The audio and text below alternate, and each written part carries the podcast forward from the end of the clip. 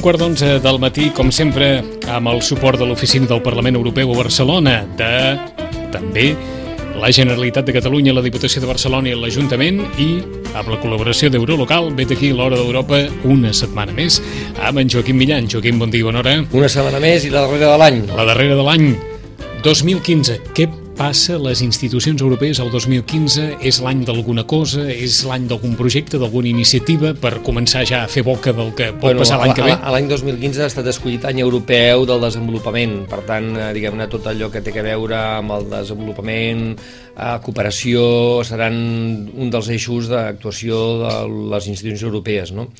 I sobretot amb dos, amb dos eixos. El primer, eh, constatar i reconèixer la, diguem, la feina que fa la, la Unió Europea, les seves institucions i també els estats membres que la composen envers a la cooperació al tercer, al tercer món, al desenvolupament, etc que moltes vegades doncs, sempre ens quedem amb la foto diguem-ne, que no és normalment amb la bandera europea, sinó que a vegades amb aquestes qüestions eh, dona la sensació que els primers que arriben i ajuden més són els americans, eh, perquè ens entenguem, que també, eh, però la Unió Europea fa un esforç molt important en aquest, en aquest aspecte, per tant, tot el que és l'acció exterior de la Unió Europea també en el que s'ha la cooperació al desenvolupament, aquest seria el primer eix, i el, I el segon eix, que jo penso que també és important en aquest, en, de celebració en aquest any, és també tot el que suposa la cooperació i desenvolupament intern. Moltes vegades ens pensem que mm, eh, aquests aspectes només ho són en tant en quant eh, enviem diners fora o fem alguna acció fora, no?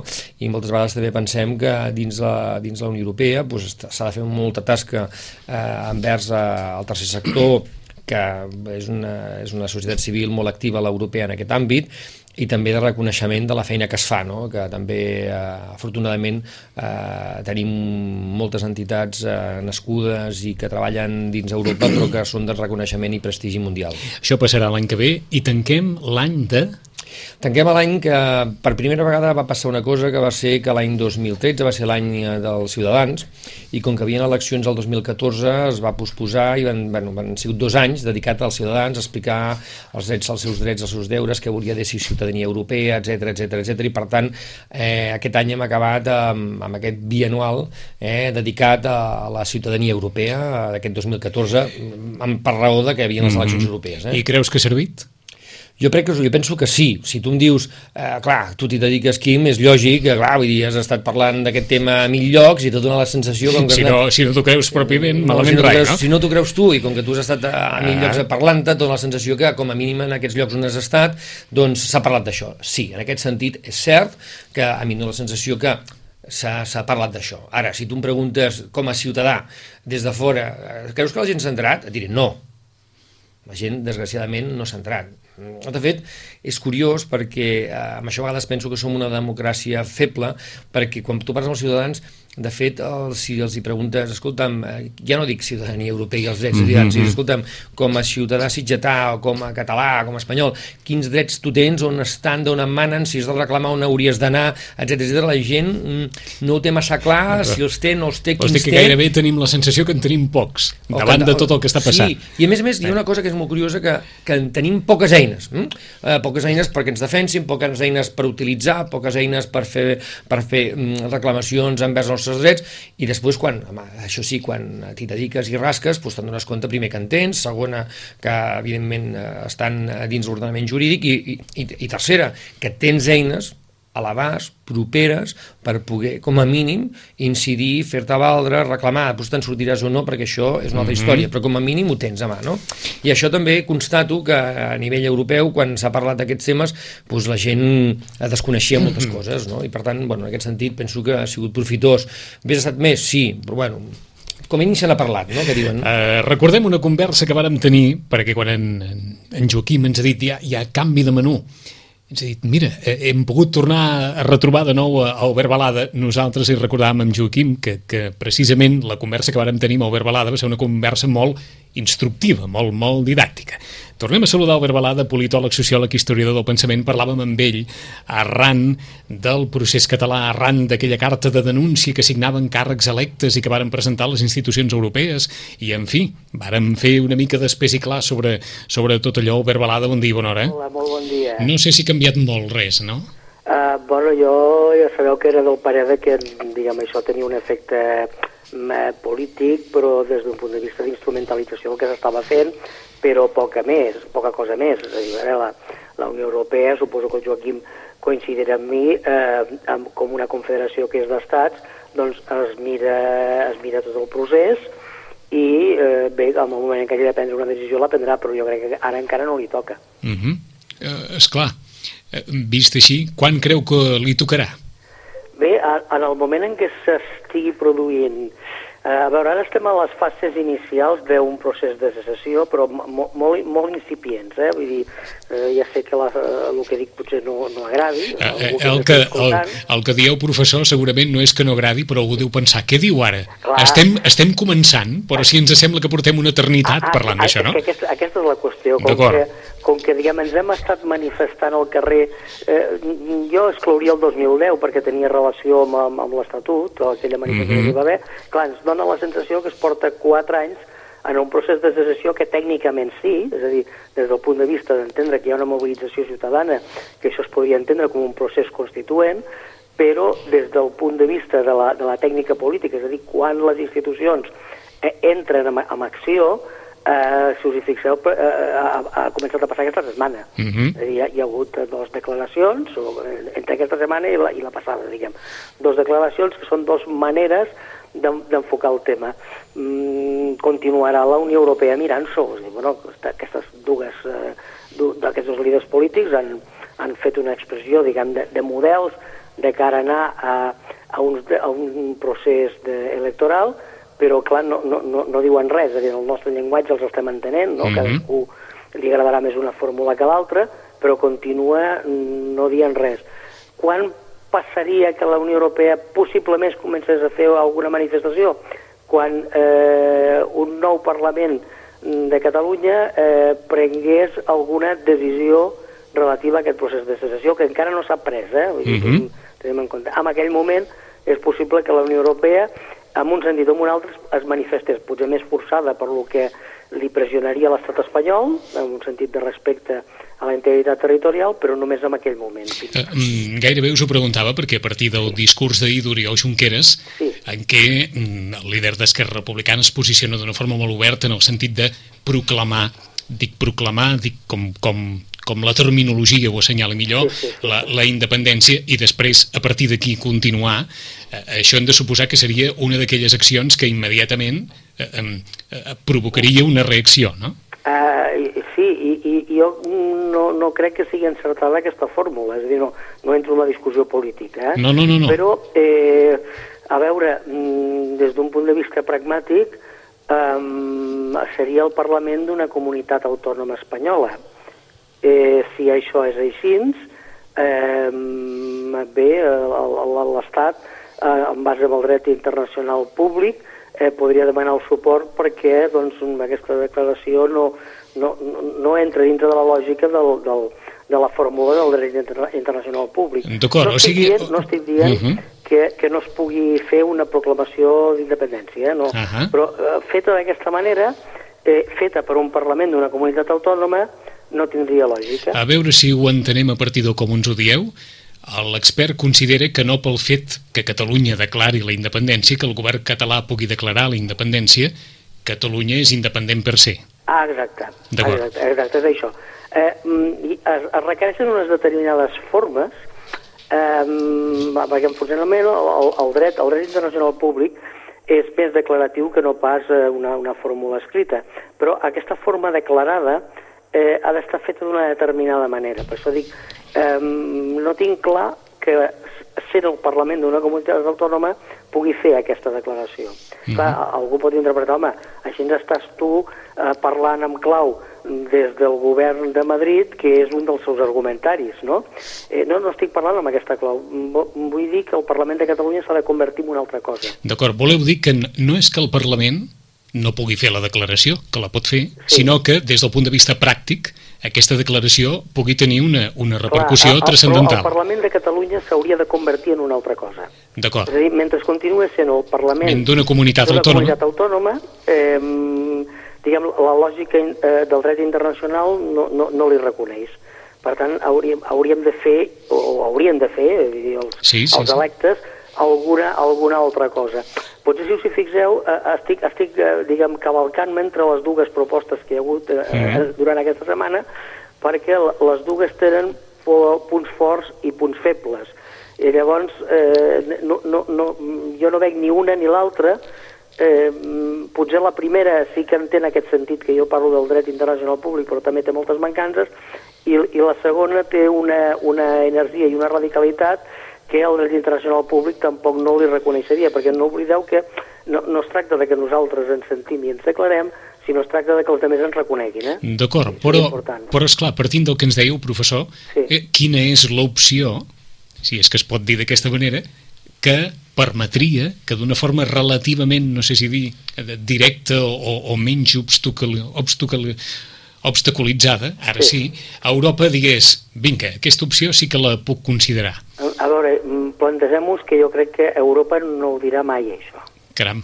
Eh, tornem, eh, tornem a estar en allò, eh? Sí, m'explico, m'explico. Sí, sí. Eh, posem un cas que no té res que veure en Catalunya, però que és eh, de les darreres secessions que s'ha produït, és el cas de Kosovo. Sí. Kosovo va tardar 10 anys a rebre un reconeixement internacional i va ser a partir de la sentència del 2010 de, de la Cort eh, Internacional. Per tant, mmm, fins i tot allà, aquell cas que era relativament clar perquè era un protectorat de les Nacions Unides, perquè seguien tot un ritual que ja venia preestablert, fins i tot en aquell cas, uh mhm. -huh. eh, va costar 10 anys. I només quan hi va haver una sentència, un dret internacional, llavors és quan es produeixen els reconeixements, a Espanya encara no ho ha reconegut com, com bé sabeu, no? Uh -huh. Eh, per tant, no, no, no, no és la cosa tan fàcil, eh? Vull dir, no, no, no és allò de dir, bé, bé, en el moment en què es produeixi una proclamació o es produeixi de la manera que sigui, eh, ja estarà, ja tothom contestarà. No, no, no. Vull dir, el, el, la, la, la, això és un club, el dels estats. I entrar en aquest club dels estats eh, no és fàcil.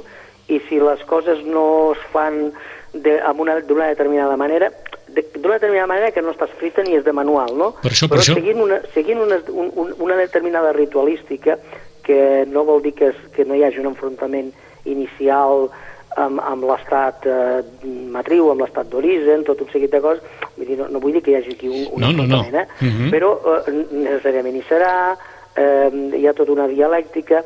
Eh, jo a les meves classes, per exemple, explico una cosa que ha passat desapercebuda o, o que es considera com a menor, no? Eh, en el moment en què es fa el 9-N, mm. el dia següent o al cap de tres dies, el president de la Generalitat envia una carta al president del govern central. Bé, aquesta és la ritualística del dret internacional. Dir, està avisant, li mm. està avisant i li està dient, bé, eh, ha passat això, eh, això doncs, marca uns ítems amb les relacions Catalunya-Espanya, per tant, hauríem de parlar a veure què fem. Eh, ja sabem que la resposta va ser la que va ser, però eh, eh, el fet de que quedi la constància de que s'ha enviat aquesta carta i hi ha un posicionament de diàleg eh, eh, entra dintre del marc d'aquestes formes que té el dret internacional. No? D'acord. Una crema en etapes. Uh -huh. Però, eh, eh, és a dir, ens esteu dient que forçar un procés sí. no pot portar a gran cosa? Ah, exacte, sí, sí. O sigui... D'acord. Eh, és a dir, que Catalunya podria proclamar la seva independència i que no li reconegués, ja no parlo, de, ja no parlo del govern de l'estat espanyol, però que no li reconegués la Unió Europea, sí, així directe? Podria, podria ser. Podria ser. Podria ser, eh? Vull dir, no, no, no puc aventurar res, no, no, esclar. soc politòleg, però no futuròleg. Mm -hmm. D'acord, però, però em refereixo que per molt... Sí. Eh, aquella, eh, no sé si dir, aquella interpretació o aquella, o aquella estratègia que poden pensar alguns de forçar les coses perquè siguin vistes des de l'exterior com veritablement eh, quelcom amb suficient transcendència com per ser motiu d'atenció exterior, no sempre funciona així o les institucions ah, europees no, són molt... No, exacte. Eh, jo, jo crec que aquí un, un model que, que ens pot ser útil, eh, diguem, és un model molt antic, però que diguem, marca una mica el, el, el que ha succeït en el dret internacional tradicionalment seria el model de la independència americana. Ja sé que queda molt lluny, eh? estem parlant de 1776 i, i les coses han canviat molt, però diguem les formes en dret internacional no han canviat tant. Què, què significa? Eh, eh, era un procés en paral·lel, vol dir que s'estava produint un procés de secessió eh, abans parlo del, del, del, del primer congrés nord-americà. Eh? Uh -huh. Llavors, en aquell, en aquell moment se produïen dues qüestions en paral·lel, el procés de secessió i el procés de negociació. i fixeu que a més hi va una tercera part que va ser la guerra, eh? però no, sí. no, no, aquest no és un escenari que, que, que ho direm ara, no és un escenari que, que es plantejaria, Uh -huh. però eh, eh, el, els dos primers sí. És a dir, un, una situació de secessió eh, just abans de la proclamació de la independència i en paral·lel a aquest procés de secessió un procés de negociació amb un govern, el britànic, tancat. Eh? Vull dir, no, si, si, si, si, si, si deixen les declaracions del Parlament britànic, les declaracions de la corona britànica, s'assemblen molt a les que estem escoltant aquests dies de l'estat espanyol. Són molt semblants, salvant la distància en el temps i, el, mm -hmm. i els llenguatges, no? Bé, però a, aquell procés s'ha de produir, eh? és a dir, el procés de, de eh, un procés normal de cessació, eh, no, no ràpid, és a dir, o, o, o relativament ràpid, però vull dir, no, no d'avui per demà, i en paral·lel aquest altre procés. Clar, això neguiteja molt, perquè, diguem, saps uh -huh. forçosament que aquest procés de negociació amb, amb, amb un govern tancat doncs, no porta enlloc, però s'ha de fer. S'ha de fer perquè ha de quedar constància de que aquesta era la voluntat diguem d'una separació eh, normal, acordada, encara que després no pugui ser d'aquesta mm -hmm. manera. Eh, esclar, ens ho heu posat d'una manera, i des d'un punt de vista molt extern, o sigui, sí. que aquells que puguin pensar oi, ara estan parlant amb un, un, amb un unionista, no és aquest no, el cas no, no, no, no, no, absolut, eh? però suposo que a, algú, algú deu poder estar tentat i mira aquest home ara ens, ens ha aixafat la guitarra Clar, home, jo, la festa, la festa. A, a mi, a mi els, els meus alumnes em diuen que sempre surten deprimits de les meves classes entre altres coses, perquè com que poses les coses al seu lloc eh, eh, no, no, no, us ho diem, no, en, us ho diem... En, en clau unionista en absolut no, no, no, està, està totalment clar però us ho diem en el sentit que no sé si hi ha un decalaix temporal. Hi ha bona part de la ciutadania que té una certa esperança que això vagi clar. relativament de pressa, o que els diuen que pot anar relativament de pressa, i l'expert diu que calceu-vos perquè això clar, és un clar, camí clar, clar, clar. llarg que pot durar 5 anys, 10 clar, anys, 15 clar, anys o 20. Fixeu-vos, aquí sí que hi ha un detall, després no, no, no, no vaig estar d'acord amb altres de, de, paraments que va fer el president, o sigui, em situo la setmana anterior. Sí, no sí, sí, a la setmana del, del discurs del president. Del discurs del president. El, el, el president està parlant amb clau de 18 mesos. Per tant, aquí m'està descrivint, o almenys jo ho entenc així, i alguns col·legues també ho han, ho han entès així, un, un procés dels que en diuen constituent que eh, l'expressió també va aparèixer ahir en el discurs, eh? Vull dir que, però expressada de manera diferent, perquè en clau política eh, estan usant paraules que a vegades no corresponen a, a el que realment és tècnic, no? Però, sense esmentar-ho, el president sí que parlava d'aquests 18 mesos. Va, aquests 18 mesos és aquest procés que jo us estava comentant ara, que és aquest procés previ que en la que s'ha d'estar treballant, eh, i en paral·lel s'ha d'anar fent alguna altra cosa, que és, diguem, anar, anar enviant missatges, anar, anar deixant constància, constància de... Eh, no estic defensant la posició de l'honorable president, eh? Mm -hmm. eh, però simplement estic dient aquell procés, aquells 18 mesos, que, que poden ser menys o poden ser més, de fet, si ens situem al 77, quan se va elaborar la Constitució espanyola, aquest procés va durar uns 8-9 mesos, eh? perquè estem parlant 77, la Constitució surt redactada a l'estiu, tot i que s'acaba aprovant ja octubre, novembre, desembre, quan hi ha el, quan hi ha el referèndum, doncs bueno, ens situaríem amb, amb, amb, aquesta, amb aquesta tessitura. Fixeu que fins i tot encara que acceptéssim els 18 mesos com a bons, eh, estem parlant d'un any i mig, eh? Mm. I, i d'un any i mig per començar alguna altra cosa, eh? Vull dir que diguem, no, no, no, no sé si són els 18, I, si seran 24, i si men seran 35. I, mentre, I mentrestant, Europa s'ho miraria, S'ho amb- continuaria mirant com Sí, un sí, assumpte sí, intern. Sí, sí, sí, s'ho miraria, s'ho miraria com, amb, clau, amb clau interna. A veure, ara sé que ningú se m'escandalitzi. Europa no està dient res de Nova Caledònia, que és possiblement un nou estat que neixi a partir d'un referèndum que farà d'independència respecte de França. Mhm. Deu ser que queda massa lluny, Nova Ja, clar, Caledònia, no, no? Que, que, queda lluny, però a més, eh, bueno, no, diguem, no, no, no, no s'assembla al procés català, eh, bueno, però, però és que no diu res de, de Nova Caledònia i també estan en un procés... Passa que allà serà un procés pactat, o sigui, versió Escòcia, no? Mhm. eh, tot i ser França, no? Europa hauria de dir alguna cosa de Palestina? Eh, jo crec que tampoc. Jo crec que no, no hi hauria d'entrar. Jo crec que aquest, aquest és un afer intern eh, di- diguem-ne israeliano-palestí, que a més és un conflicte més complex de lo que normalment es diu als mitjans de comunicació, és molt, és molt complex, i jo crec que no s'haurien de pronunciar. Aquests pronunciaments que s'han fet ara no sé si tindrien sentit. Mhm. entre, entre altres coses, i potser això aquí sí que ens ho aprenguem els catalans, eh, perquè és que el, el, el, el govern palestí eh, està manifestament en contra del procés de secessió català, o sigui, per tant, no crec que sigui...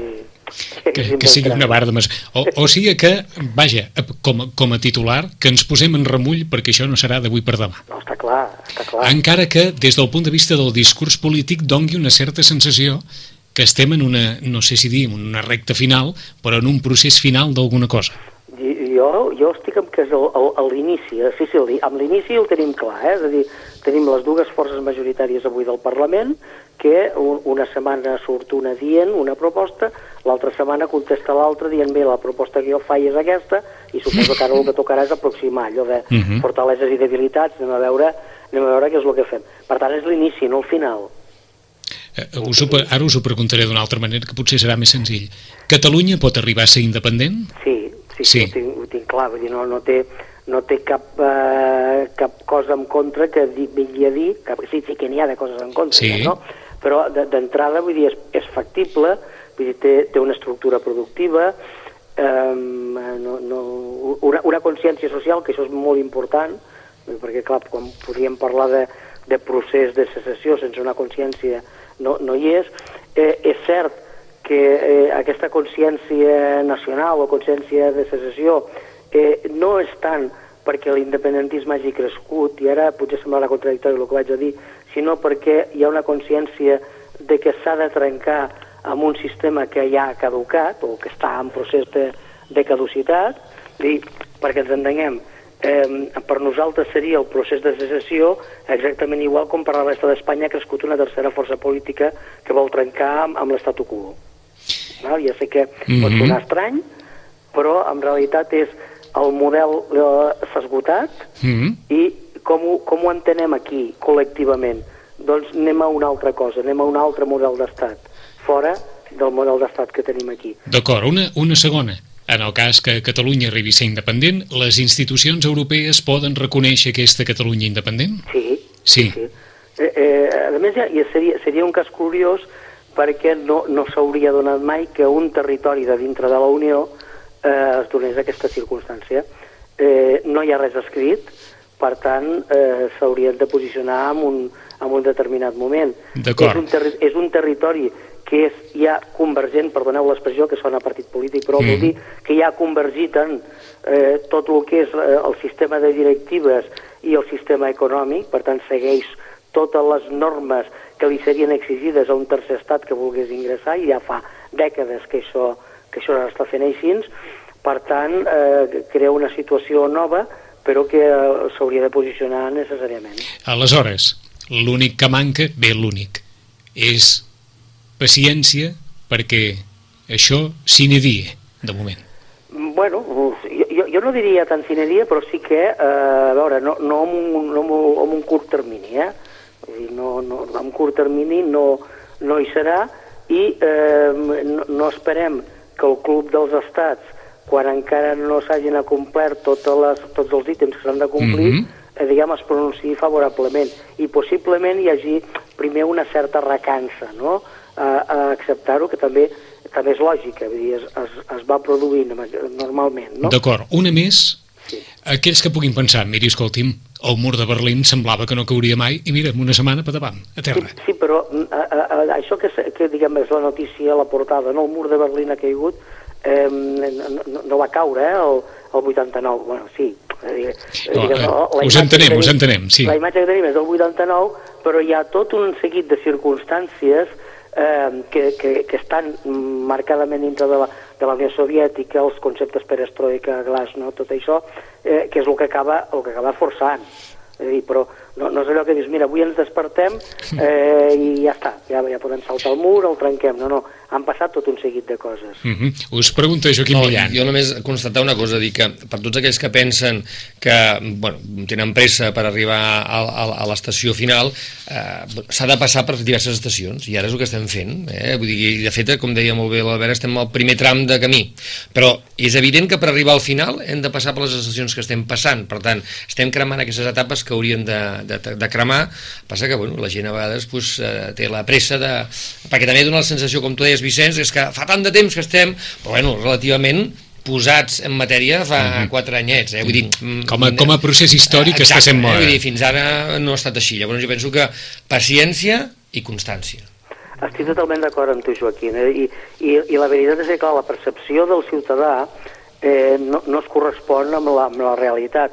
Eh, jo sempre poso l'exemple d'aquell que ha vist eh, tota la vida una cosa, clar, però és tota la seva vida, per tant, no està dintre del, de l'entramat històric d'haver vist alguna cosa. Bueno, és que la, la, la veritat és una, la percepció és una altra i el que voldríem una altra. Sí, a vegades hi ha tres coses, eh? Per, per tant, ens, ens trobem quatre, quatre anys, és a dir, el 2011, 2012, 2013, 2014, amb, amb, amb el creixement d'una consciència social, és veritat, amb això hem iniciat un, un procés constituent, per dir-ho d'alguna manera, no constituent en clau de constitucionalisme, eh, de mhm. dret, no? Eh, eh, és veritat, però eh, això no diu res més. Per tant, això ho hem de traduir d'una determinada manera i jo entenc que ara ho comencem a traduir. Clar, però estem al començament, no al final. -huh. uh, ara només us demanaríem, com a politòleg també, per aclarir-nos, Quina diferència hi ha entre unes eleccions plebiscitàries, un procés constituent, ara que estem parlant tant d'aquesta terminologia i que ens dèieu fa un moment, això no s'està no explicant o no s'està adequant molt al que és eh, en gènesi eh, l'ús d'aquesta terminologia? Bueno, la, les eleccions plebiscitàries no existeixen. Aquesta és una terminologia política eh, o que utilitzen els partits polítics, però les eleccions són eleccions. No, no, no hi ha més, eh? Vull dir, no, no, no, no, no tenen cap, cap altre clau ni són d'una determinada manera. Aleshores, un plebiscit què és? Llavors, el, diguem, el, el plebiscit és un, un concepte molt antic que el podríem assimilar al concepte de, de referèndum, és a dir, el de, de, pregu de pregunta. Però clar, les eleccions són eleccions, elegim representants. Uh mhm. -huh. Mm, dius, és que ho vull interpretar com... Bueno, interpreto com vulguis, però són eleccions. D'acord. Eh? Una altra, co una altra no, no. cosa és que aquells representants els quals escollim portin en el seu programa electoral quelcom que d'alguna manera eh, pugui interpretar-se com etc etc etc. Bueno, però això no, no ens està dient res més que en aquell Parlament hi haurà una determinada majoria. D'acord.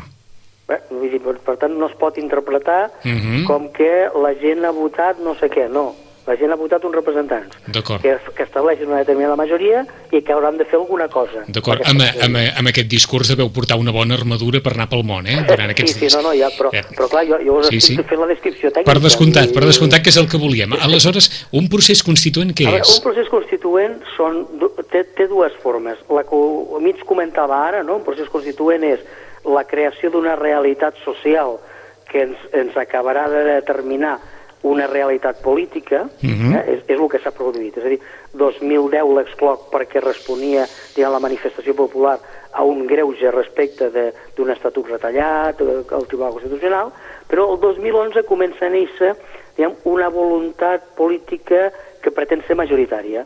Eh? Llavors, si anem comptant eh, la quantitat de gent que es va incrementant, és a dir, si anem des del 2011 fins a la B baixa darrere que hi ha hagut, sí. veurem com l'increment eh, doncs, eh, no és exponencial, però sí que eh, doncs, passem del millor 500 al millor 600, al millor 700, al millor 800, eh? Uh -huh. anem, anem creixent. A, a, aquest és un model, diguem, de procés, o una interpretació del concepte de procés constituent, i després ja, des del punt de vista pròpiament, diguem, de dret constitucional, és l'establiment de les institucions que han de gestionar un país a partir de l'elaboració d'una Constitució. Uh -huh. eh? Llavors, mm, perquè la gent mantengui el 1977, les Corts Espanyoles que van néixer en aquell moment eh, eren constituents. Uh -huh. No se'n diuen, eh, constituents, és a dir, s'interpreta a posteriori. Per què? Perquè els electes que van sortir es van dedicar única i exclusivament a elaborar una Constitució. Llavors, quan ho interpretes a posteriori, dius, que han fet aquesta gent? Han fet mm -hmm. alguna altra llei? No, només n'han fet una, una Constitució. Per tant, eren constituents. Queda clar. Ah? Queda clar és relativament senzilla, però, mm -hmm. però també que quedi clar sí, sí. Que, que no sóc unionista, perquè també estic fent molta referència al, al, diguem, al procés que es va fer el 77 a Espanya, però és el que ens pot ajudar a entendre-ho també. No, no, i, i agraïm precisament el posicionament dels experts, sí. perquè molt sovint eh, eh, estem tan habituats ja en els darrers temps a escoltar discursos amb un cert abraonament a l'entorn de determinats conceptes mm. i segurament val la pena també contrapesar-los amb el que ha estat tota la vida el coneixement de la terminologia política, de la, del context històric, etc. Sí, no, nosaltres els politòlegs ens queixem sovint perquè, clar, eh, la utilització dels conceptes uh mhm. -huh. erròniament tendeix a confondre a la ciutadania, entre altres coses perquè avui n'utilitzes un i demà n'utilitzes un altre. Perquè si sempre s'utilitzés el mateix concepte, millor no, no es portaríem error encara que el concepte fos erroni. Però com que avui diríem d'una manera i el mateix demà diríem d'una altra, parlo dels, en clau política, no? Clar, llavors eh, jo crec que la ciutadania l'hem d'explicar. I amb això, d'alguna manera, eh, eh, eh, hi ajudeu, ara hi esteu ajudant, però fins ara no hi ajudeu els mitjans de comunicació perquè seguiu el discurs que us donaven els polítics, és a dir, us limitàveu a, a trasladar, no? I eh, hi ha hagut un moment que sí, que comenceu a demanar l'opinió de, dels experts, molts mitjans ho esteu fent, jo crec que això és important doncs, per, per aclarir, no? que és també una funció mm -hmm. que teniu vosaltres els mitjans de comunicació. Pensi que pobres de nosaltres des d'aquesta posició, mare de Déu, ens queda lluny mas, encara que ho puguem escoltar cada dia, eh? Sí. però de tota manera gairebé començaríem amb allò de dir que és un país, que és una nació, que és un estat i acabaríem fent un petit diccionari de termes que ara ens convindria molt tenir doncs, in mente. Doncs, doncs, jo, crec, jo crec que és molt, és molt important ara tenir molt clar, i vosaltres en mitjans de comunicació, tenir molt clar tot un seguit de conceptes perquè els, els escoltareu dits de moltes maneres, eh, entre altres coses perquè el llenguatge polític sempre ha sigut un llenguatge uh -huh. complex i, i, i tendint doncs, a, a bé, si tu, adversari meu, utilitzes aquest concepte, jo utilitzo aquest altre, i llavors resulta que ni un ni l'altre són uh -huh. correctes i doncs, jo crec que us, us hauríeu de fer amants. Eh, de... Doncs doncs potser, potser algun dia fora de l'hora d'Europa convidarem en Joaquim Millan i tornarem a trucar a Albert Balada per doncs, altres circumstàncies que no estiguin. Eh, perquè de nou, de nou heu demostrat això, eh, a la condició de professor amb, amb totes les lletres. Albert Balada, gràcies una vegada més per estar aquí amb nosaltres. Gràcies Molt bon dia, Albert. Adéu-siau, bon dia. Molt bon dia.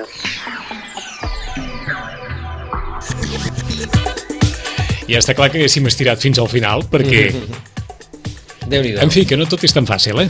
No Ningú tan... ha dit que sigui fàcil, no però d'aquella sensació de velocitat. Eh? I a més a més, la, a mi m'encanta amb l'Albert perquè, no és, com ella ha declarat, no sóc unionista, ah, ah, ah. però m'agrada perquè parla amb un respecte i, evidentment, condició de politòleg per sobre de tot, eh? i jo crec que en aquest sentit eh, fa pedagogia, no? jo crec que cal pedagogia en I, aquest àmbit. I ens eh? quedem amb aquest titular, eh? no pel fet que en un moment donat el Parlament de Catalunya pugui declarar la independència, les institucions europees vegin en aquest procés o en aquest moment eh, quelcom que els obligui a posicionar-se sinó que fa falta bastant més. O bastant més, i a més a més jo penso que també és veritat que en aquest procés que dels propers mesos o els propers anys eh, poden influir moltes coses. No? De fet, ara mateix pues, segurament eh, hi ha una influència de la crisi financera econòmica, hi ha influències de també un moment donat que això coincideix amb que les estructures de l'Estat en aquest sentit pues, estan, estan cada vegada en una situació de menys autoritat moral davant de la ciutadania per als afers de corrupció, per als afers d'anomenament a dit de, de persones persones importants que després prendran decisions importants en nom de la ciutadania, etc etc etc. Tot això també es constata i en el cas català també és veritat que té un accent concret, no? A l'altre costat del fiu telefònic, avui que anem amb, amb l'agenda molt apretada, una altra de les persones que més ens ha explicat sobre la Unió Europea i que ho fa habitualment, al punt avui. Ens estem referint a Xavier Ferrer, llicenciat en Empresarial, Ciències Polítiques, Sociologia. Xavier Ferrer, bon dia, bona hora. Bon dia. Tant que miràvem a Arias Cañete, i resulta que Jean-Claude Juncker, caram, s'ho tenia molt amagat, això, eh? Comencem forts. S'ho tenia molt amagat, això, eh? I nosaltres mirant Àries Canyet a veure què passava i resulta que... No, però, que... però hem, de, hem de tenir sempre la presumpció d'innocència, Està eh? clar, està clar, està eh, clar. No... està clar, però, però mm, vaja, aquí es va crear una, no sé si una tempesta molt fonamentada o no, però, mm, però sens dubte eh, es va tocar a una de les, diríem, a una de les personalitats més influents dins l'estructura de, de la Unió Europea i algú que arribava precisament sense, sense amb l'expedient absolutament net, no?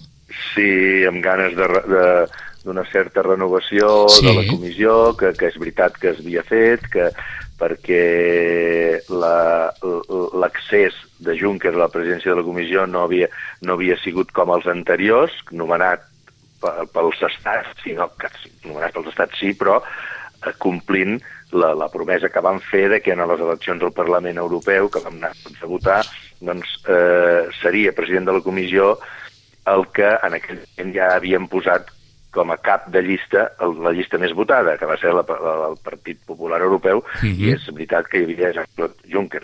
El juliol, el, el, el juliol hi va haver un de, de, de debat entre els estats per si ho mantenien o no, finalment ho va mantenir, per tant, si va guanyar una, aquesta comissió té una certa credibilitat democràtica superior a les anteriors. A més a més, i això també és veritat, mm, Juncker va ser, ha sigut bastant, o va ser bastant, eh, diguem, dur a l'hora de o, de que els estats li facilitessin els, els comissaris, no se'n va sortir d'una cosa, volia una paritat de, a nivell d'home-dona, i al final hi ha 9 dones i, 20, i 19 homes, però sí que és veritat, una altra premissa que tenia, eh, sí que la que s'ha complert, que és que és una comissió, el col·legi, diguem, de comissaris, molt més política que l'anterior. Eh, què vol dir això? De, doncs que hi ha, hi ha 10, 9 o 10 exministres de països, alguns excaps de govern, eh, que en l'anterior no hi eren. Llavors volia donar, veurem si serà així, eh, la Comissió Europea, en comptes de tenir un perfil tècnic, com havia tingut bàsicament la Comissió Garro o la Santer l'anterior, agafés aquella línia de, de la Comissió de l'Ors que tenia un contingut més polític, o sigui que els que manessin i les cares visibles fossin o siguin els comissaris i no tant els directors generals mm -hmm. els funcionaris. No? Per tant, amb aquesta línia, amb, amb aquesta, diguem, aire fresc, entrava Juncker, que no és precisament un nou a la, en l'àmbit europeu, perquè havia estat eh, ja un president de l'Eurogrup i havia estat molts anys primer ministre a Luxemburg. I d'aquí li ve Uh mhm. -huh. tot el que hem començat l'entrevista, no? Amb el tema aquest de les multinacionals, que veurem com, com acaba. És un mal començament, sí, sí, és veritat. Uh, um, I sí que és cert que, que no sé si Luxemburg compleix allò que molts diuen de la gent influent, que és absolutament discreta. Un d'aquells estats que, vaja, coneixem cada any pel Festival d'Eurovisió, i potser ni això, i després resulta que en el món global, o com a mínim en, en el món influent de l'economia i de moltes altres coses, té un pes específic importantíssim, no? Sí, bueno, eh, això sol passar a països petits, no? De que, mm -hmm. de que eh, bueno, podríem posar que no és membre de la Unió Europea, doncs el cas de Suïssa, no? Eh, són estats que poder econòmic i té confiança i i si generen ja diguem d'operacions, diguem, eh, no, no, no perquè es generin allà han de ser fraudulentes, ah, eh? la majoria, no, no, està diguem, clar, no ho són. Què passa actualment? Jo crec que amb la, amb la situació actual de crisi econòmica i de revisió de, de, de tots els processos en l'economia europea, hem vist que estan aflorant pràctiques, eh, i a l'estat espanyol doncs en veiem cada dia, que no són les més adients les que ens hauríem d'emmirallar de cares al futur, no? I, i en aquest àmbit de, uh, més d'aquests països petits, doncs també, i, i segurament, doncs, bueno, a Luxemburg doncs, és probable que hi hagi, que s'hi ha sortit alguna cosa pot haver passat. -huh. el, el que passa que jo crec que, que és un, un bon exercici i de que eh, a l'actualitat, en el món que estem, cada vegada més més interrelacionat tot i amb les noves tecnologies, cada vegada serà més difícil amagar diguem, realitats eh? que en una altra etapa podien durar molts anys. No? Això, a més a més, amb una crisi econòmica important que d'alguna forma el que genera és que hi hagi més desigualtat i, que hagi afectat molt a la, a la, a la classe mitjana, doncs eh, es generen tots els ingredients mm -hmm. per diguem, destapar coses que no són bones praxis. Uh -huh. no, no és volem... probable que aquesta situació fa set anys, sabent-se, no s'hagués posat amb... Exacte. No, I a més a més, situacions que generen aquesta immoralitat o amoralitat, és a dir, sí. com una persona que ara encapçalarà la Comissió Europea i que demanarà ja ho està dient, ja ho ha dit, no, no, no ens ha sorprendrat, que hem de seguir fent esforços i tornarem a recordar, ostres, polítiques d'austeritat un altre cop, no, per favor. Mm -hmm. Diu, no, però aquest ens està demanant això quan ell, al seu país, fa un temps, havia fet un pacte una mica així d'estranquis. També és veritat que, com deia molt bé el Xavier, són països que a vegades els hi va la subsistència una mica fent ah. coses eh, diguem, estranyes, no? O no, no, no, no amb totes les regles del joc, no? És, és, és probable, Joaquim, que, que acte que es va fer no sigui il·legal, per dir-ho així. Eh? Uh -huh. no, estem d'acord, estem d'acord. Sí, sí, he dit eh, immoral o amoral, si, no? És, és, si, si és ètic ja és un altre tema. I a més a més, com que afecta multinacionals, doncs, eh, doncs eh, clar, llavors, clar, clar. té un efecte a la societat eh, importantíssim, perquè tots paguem impostos, tots ens costen i hi ha una sèrie de gent que, que d'alguna forma, diguem, mm, li és molt difícil eh, hauria de ser difícil per tothom poder fer eh, algunes, eh, algunes consideracions, diguem, eh, jurídiques o, o legals per sortir-se'n i pagar menys, uh mhm. -huh. i, és, i observem que grans eh, multinacionals o grans corporacions busquen la fórmula segurament legal, però no ètica, de, de, de, de, de sortir-se'n mhm. pagant, pagant menys. I això té un efecte en, els, en, els, en la societat molt, molt negatiu. Hem començat per aquí perquè precisament eh, eh, la pregunta va en aquest sentit. Creu en Xavier Ferrer que la Unió Europea ha d'arribar fins al final amb processos com aquests perquè en depèn també bona part de la seva credibilitat davant de la ciutadania, que la ciutadania pugui estar absolutament convençuda que sigui Janker, sigui qualsevol altre de les persones més influents o de projecció pública de les institucions europees estiguin veritablement lliures sí. de tota sospita? Sí, a veure, jo us contestaré amb dos, amb dos línies. A veure, des del punt de vista, diguem, teòric i, i, i de praxis ètica, sí, i tant, clar que sí, només faltaria, no?, que tot ha d'estar perfecte i a partir d'aquí sí, i arribar fins al final i, i aplicar la llei que hi ha i les penalitzacions que hi hagi.